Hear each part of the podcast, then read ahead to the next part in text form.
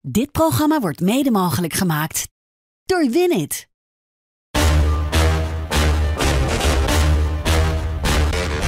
Dit is Strikt Privé, de dagelijkse showbiz-update met Evert Zantegoed en Jordi Versteegden. Sylvie Meijs, de Meilandjes, Gordon Matthijs van Nieuwkerk. Dit is de Strikt Privé podcast, eh, Evert. Ja, wat leuk. Leek dat lang geleden dat die man elke dag zo'n hele eh, namenlijst oplas. Ja. Ja, vond hij wel goed en snel.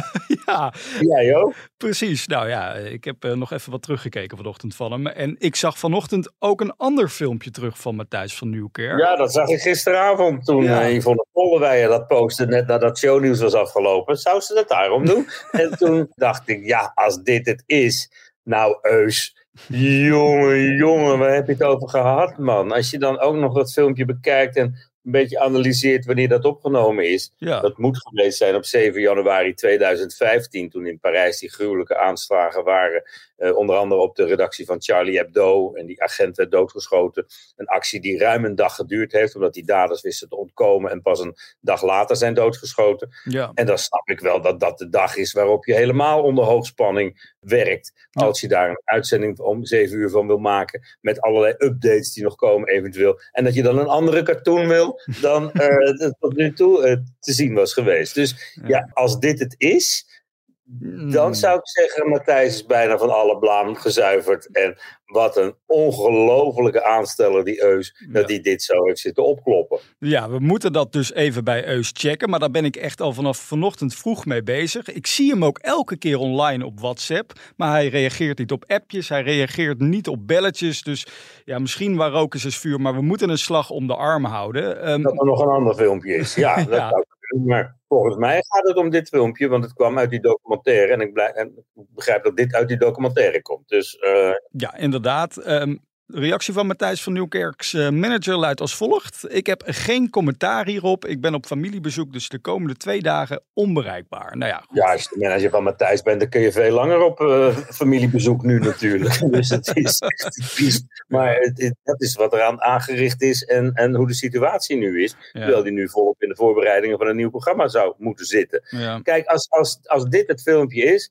dan zie ik het allemaal nog wel kantelen. ja. Maar eh, ja, dan vind ik het voor Eus nog wel eh, kwalijk aflopen. Want die heeft A gezegd dat dit filmpje van hand tot hand ging. Mhm. Nou, wekenlang heeft niemand het gezien. En dan komt het naar boven water. En dan is het dit. Ja, het is, eh, het is bijzonder. Ja, en laf dat hij de telefoon niet opneemt. eh, zeker voor iemand die... Nee, maar ja, op, op dat soort dagen wordt onder hoogspanning gewerkt. En dat was bij ons ook. De aanslag in Apeldoorn op de koninklijke familie. Ja. Het ongeluk met Friso. Allemaal dat soort dingen die ineens gebeuren. Onverwacht. Je moet daarop inhaken. Zeker bij een live tv-show waar de verwachtingen van hoog gespannen zijn.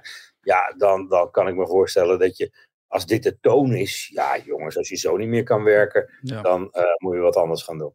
Tja, vanavond in Vandaag een Site zal het ongetwijfeld ook weer onderwerp van gesprek zijn. Als hij daar al niet aan tafel zit. Want eh, dat is toch meestal Eus zijn podium.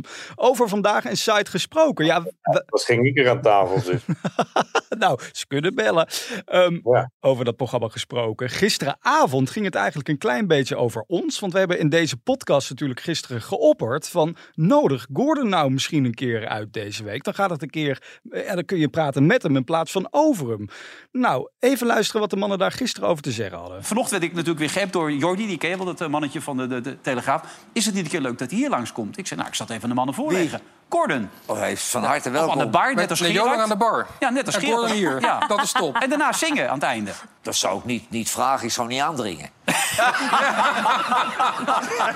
Nou, dat is dus geen nee. Het zou zomaar kunnen, Evert. Ja, ja, of hij het aandurft, weet ik niet. Want hij zoekt zijn programma's tot nu toe wel eh, zorgvuldig uit. Ja. Hij zit nog steeds in die slachtofferrol te vertellen dat in dat album zijn hele ziel en zaligheid ligt. Ja, wat er nou voor ziel en zaligheid ligt in aan de andere kant van de heuvels, dat eh, vraag ik me echt af, want dat is echt een platgetreden pad. En ja. ja, daar zijn heel veel mensen voor je geweest die ook hun ziel en zaligheid erin gelegd hadden. Dus hij had me beter even kunnen bellen voor wat mooie nummers die wat minder bekend zijn. Ja. En die hij helemaal op de Gordons had kunnen zingen. En dan denk ik aan een Hildegard Kneef of zo. Of Laat mich bij dir zijn. Dat is een Oh. typisch Gordon nummer wat hij, wat hij had kunnen doen. Ja. En daar zijn, waren er veel meer van te vinden dan deze platgetreden paden die hij nu bezingt. Het album van zijn leven, deel 2. Ik voel het aankomen binnenkort. Eh, overigens, de manager van eh Ja, want hij heeft geld zat, hè? Want eh, John de Mol was een. Eh, wat was hij nou? Een dombo? Ja, volgens hem omdat hij hem al die tijd veel heeft betaald. Terwijl hij ja, Ja. Niet, echt de, de grootste hit scoorde natuurlijk. Nee, eh, zeker niet. Daar ook niet. Nee. De manager van Gordon laat trouwens juist weten dat eh, vandaag een site nog niet heeft gebeld. Maar goed, we, we, we gaan dat allemaal de komende tijd volgen. Wat niet is, kan nog komen. Precies. Eh, afgelopen weekend was eh, Gordon natuurlijk de gast bij de opnames van Code Rosé Vips. Eh, ik heb Erika daar nog even over gesproken. Ja, we hebben- hebben hem even opgevangen gisteren ook, trouwens, met een fotograaf toen hij eruit kwam. Oh. Toen keek hij vrolijk, ondanks dat hij op krukken loopt en dat hij een, een meniscusblessure heeft. Ja. En eh, ja, ik denk, ga maar eens kijken of, eh, laten kijken of... dus dat zie je morgen Ja. op privé. Jij lag in de bosjes daar eh, in Noordwijk.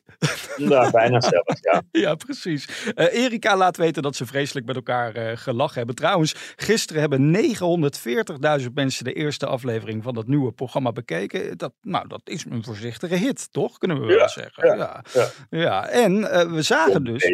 Caroline van der Plas, ja, vind ik ook. Ja, toch. En eh, we zagen ook even dat Martien nou toch wel nou, bijna verliefd werd op John de Bever. Wat een enige man. Ik heb sinds jaren niet zo'n leuke man meegemaakt. Ja?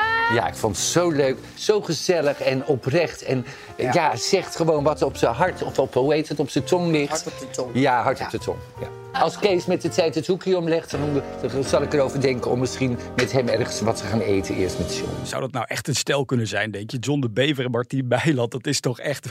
Dat Ik is... zie Martien echt alleen maar bij Erika. Hoe ik er in het begin ook aan moest wennen. Ik, ik kan me niet voorstellen dat heel veel mensen in staat zijn om het heel lang vol te houden met die ongelofelijke druk te maken. We houden allemaal van hem, maar Ja. ja, niet met iedereen van wie je houdt, hoef je samen te wonen. Precies. En Kees, de man van eh, John de Bever, laat het duidelijk zijn. Die zegt, kun je rekenen Martien?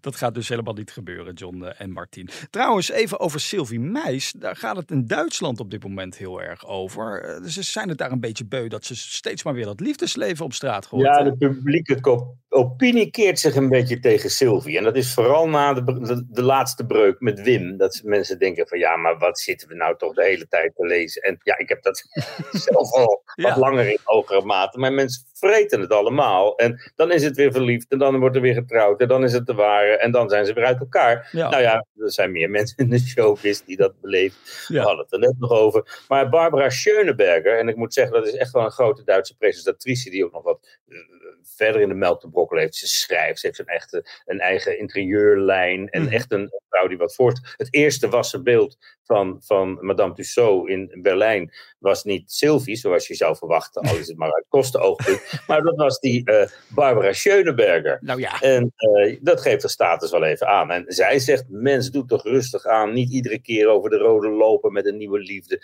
Doe dat nou eerst eens buiten het zicht van de kijker. En, en, en laat dan weten, als je zeker bent, nou, dit is mijn nieuwe liefde. En dan is de kans groot dat die ook blijft. Maar eh, ja, het is eigenlijk voor het eerst dat, dat zij dat, dit soort openlijke adviezen krijgt. ja, heel benieuwd of ze daar ook naar gaat luisteren, eh, onze Sylvie. Dat gaan we de komende tijd maar eens even in de Nou, nee, deze week al wel. Ja. Hoe is het met onze eigen diva Patty Bart? Want zij krijgt natuurlijk veel over zich heen de laatste dagen rondom die serie. Ja, zij zit op een zevende wolk, want ja, dat is nogal wat dat je zo'n serie krijgt over jezelf. Maar het werd er nu wel een beetje veel. Dus ze is, gaat naar Ibiza voor een tijdje, bijkomen van alles. En eh, ja, ook wel van de kritiek. Gisteren las ik nog een bericht van Hans van Hemert op Facebook, Oh. die toch echt niet blij is met de manier waarop hij is neergezet. Daar reageert dan Willem Herselman weer op. Dat is de producent die haar eh, aan het werk zette na de faillissement. En eigenlijk wel uit, uit de ellende getrokken heeft, omdat hij ook een mooi huis voor haar had aan de Stadionkade in Amsterdam. Dat Mm. huis dat we allemaal kennen uit, eh, uit, de- uit de reality soaps. ja. En die was ook teleurgesteld dat hij er niet in zat. Dus ja, er zijn er wel een paar mensen die zeggen: Goh, ik heb toch wel een hoop voor die vrouw gedaan. En eh, dat wordt niet erkend in de serie. Maar ja, dan zegt zij weer: dat is de Wil Koopman saus. En daar kan ik verder ook niks aan doen. Mij niet bellen, wij niet appen. En dat zullen we ook niet doen zolang ze op Ibiza zit. Precies. Fijne vakantie, Patty, zou ik zeggen. En wij zeggen tot zover, zoals Matthijs zou doen. Ja, we beginnen en we eindigen nu als de wereld draait door. Maar de wereld draait echt een beetje door als dit het filmpje is. En als dit alles is wat er is.